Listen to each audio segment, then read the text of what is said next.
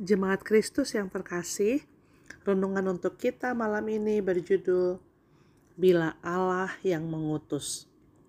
Dan bacaan kita diambil dari kitab Yeremia 26 ayat 12 sampai dengan 16. Demikian firman Tuhan. Tetapi Yeremia berkata kepada segala pemuka dan kepada seluruh rakyat itu. Katanya, Tuhanlah yang telah mengutus aku supaya bernubuat tentang rumah dan kota ini untuk menyampaikan segala perkataan yang telah kamu dengar itu. Oleh sebab itu, perbaikilah tingkah lakumu dan perbuatanmu, dan dengarkanlah suara Tuhan Allahmu, sehingga Tuhan menyesal akan malapetaka yang diancamkannya atas kamu.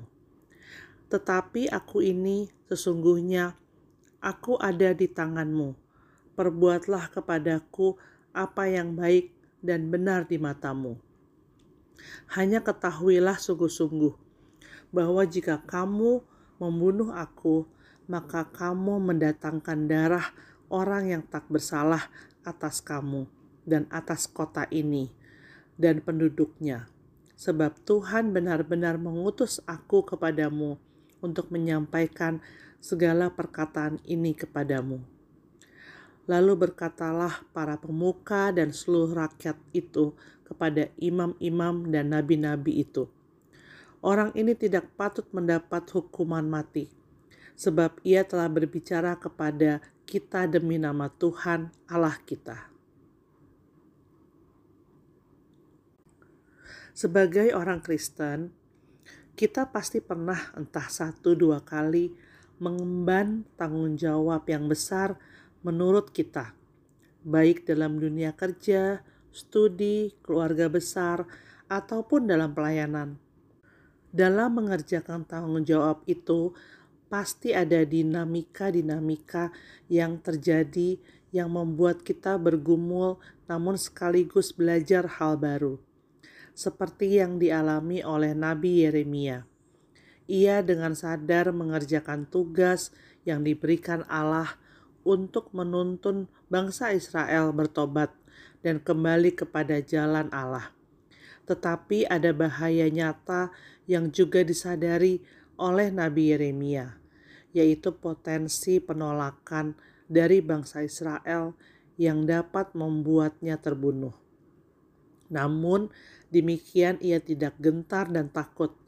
Ia menyadari bahwa apa yang ia lakukan adalah sesuatu yang benar dan yakin pasti Allah menolong agar ia dapat menuntaskan tanggung jawab tersebut. Dan benar saja orang-orang percaya pada pewartaan yang dibawakan oleh Nabi Yeremia dan mereka bertobat serta menerima Nabi Yeremia di tengah mereka.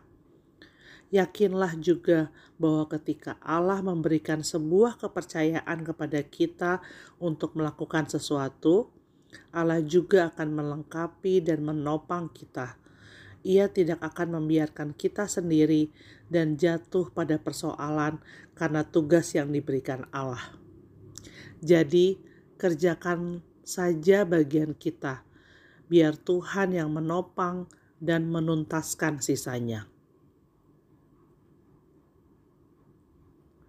Demikianlah renungan malam ini. Semoga damai sejahtera dari Tuhan Yesus Kristus tetap memenuhi hati dan pikiran kita. Amin. Jemaat yang terkasih, mari kita bersatu hati menaikkan pokok-pokok doa yang ada dalam gerakan Doa 21 GKI Sarwa Indah. Mari berdoa.